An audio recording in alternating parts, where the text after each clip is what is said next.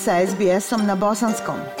Pronađite još sjajnih priča na sbs.com.au kosacrta bosnijan.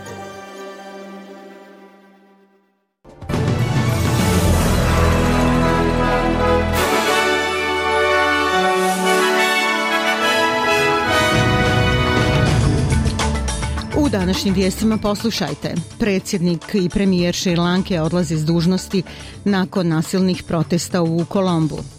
Više Australaca u programu antivirusnih lijekova za liječenje protiv covida i u sportu Elena Ribakina pobjedila Ons u finalu Wimbledona za žene.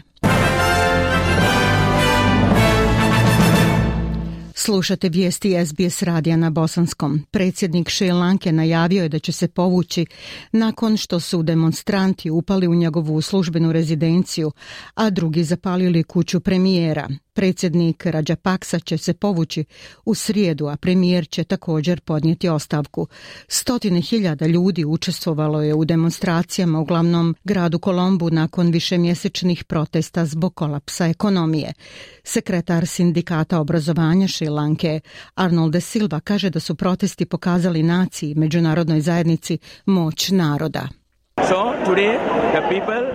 danas su ljudi koji su bili u borbi nasilno ušli u kuću predsjednika i uzeli je pod kontrolu. Ovo je prava stvar koja se danas desila. Ono što sada imamo da kažemo ljudima, moramo se okupiti i formirati nacionalnu vladu. Antivirusni lijekovi za liječenje covid sutra će biti dostupni osobama starijim od 70 godina. Ministar zdravstva Mark Butler kaže da će pristup biti proširen i na osobe starije od 50 godina s dva ili više faktora rizika za tešku bolest i na aboriđine i otočane Moreuza Torres starije od 30 godina sa dva ili više faktora rizika. Ovo će imati ogroman utjecaj za smanjenje učestalosti teških bolesti i ublažavanje pritiska na naše bolničke sisteme koji su trenutno pod ogromnim pritiskom. Ova odluka će konačno izbaciti COVID lijekove iz skladišta i učiniti da smanje teške bolesti i ublaže pritisak na naš bolnički sistem. Svi koji imaju 18 ili više godina i sa oslabljenim imunitetom također mogu mogu ući u program. Hitna pomoć Viktorije proglasila je svoj sedmi crveni kod za ovu godinu jer je preplavljena potražnjom. Odluka da se proglasi crveni kod stigla je nešto prije dva sata ujutru i bila je na snazi oko 90 minuta. Zamjenica premijera Viktorije Jacinta Alan kaže da državna vlada podržava hitnu pomoć Viktorije u zapošljavanju još bolničara. Ona kaže da ljudi mogu smanjiti pritisak na bolnički sistem tako što će se pobrinuti da budu vakcinisani protiv gripa i covida.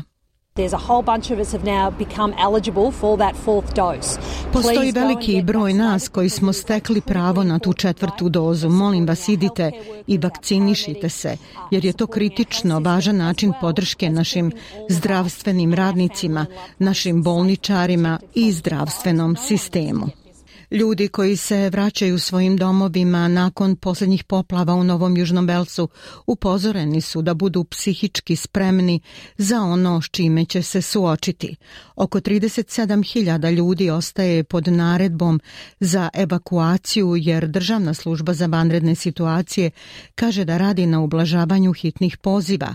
Komesar za otpornost Novog Južnog Belsa Shane Fitzsimons kaže da vanredne situacije u slučaju poplava zna znače veliki danak. Uzastopni i složeni efekti ovih katastrofa imaju stvarni danak, ne samo materijalno, na štetu i uništenje, te novac i podršku koja je potrebna, ali očito je da je emocionalno i psihičko stanje ljudi vrlo realno i prisutno u cijelom regionu. Vijesti iz svijeta. Ukrajinski predsjednik Zelenski smijenio je ambasadora svoje zemlje u Njemačkoj, kao i nekoliko drugih visokih diplomata. U dekretu nije naveden razlog za ovaj potez, a predsjednička web stranica objavila je smjene ukrajinskih ambasadora u Njemačkoj, Indiji, Češkoj, Norveškoj i Mađarskoj. Nije jasno da li će diplomate dobiti druge poslove. E, vijesti iz Amerike, demonstranti su se okupili u američkoj državi Ohio tražeći pravdu za nenaoružanog afroamerikanca kojeg je policija ubila u pucnjavi. 25-godišnji Jalen Walker poginuo je u potjeri koja je započela njegovim pokušajem zaustavljanja saobraćaja. Nije jasno koliko je metaka ispalilo osam policajaca, ali žrtva imala više od 60 prostrelnih rana. Demonstranti traže da se objave imena umješanih policajaca. Jacob Blake Sr. bio je među demonstrantima. Njegovog sina, Jacoba Blakea, policija je upucala i ubila. If we have to explain ako treba da objasnimo bijeloj Americi da je 60 metaka previše, ako moramo objasniti da je 7 metaka previše metaka, onda nas već gledate kao životinje. Ne pucate u jelena 60 puta.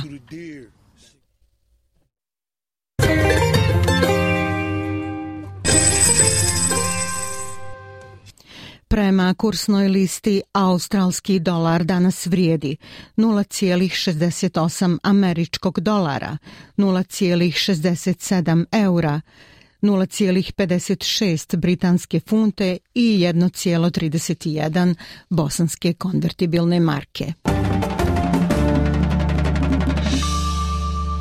I vijesti iz sporta. U tenisu Elena Ribakina je pobjedila Tunižanku Ons Žaberi postala prva igračica iz Kazahstana koja je osvojila Grand Slam titulu u pojedinačnoj konkurenciji na Wimbledonu.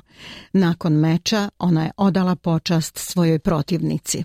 I want to congratulate Ons for the, for the great uh, match uh, Želim da čestitam se na odličnom meču i sve što si postigla nevjerovatno je. Mislim da si inspirativna ne samo za mlade juniore, već i za sve nas.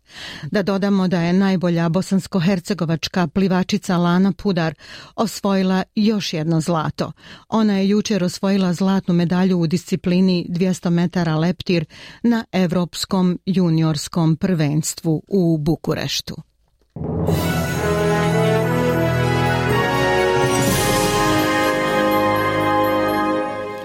I evo temperaturnih vrijednosti za veće gradove u Australiji. U Pertu plju pljuskovi 18 u Adelaidu, uglavnom sunčano 15, u Melbourneu također sunčano 15, u Hobartu 13, Kamberi 13, u Sidneju 17, u Brisbaneu uglavnom sunčano 20 i u Darwinu sunčano 29 stepeni. Bile su ovo vijesti SBS radija na bosanskom jeziku. Ja sam Aisha Hadži Ahmetović. Ostanite i dalje s nama.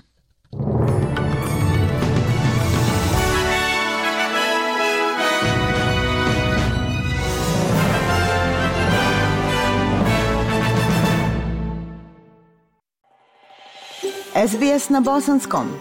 Podijelite naše priče preko Facebooka. Želite poslušati još ovakvih priča?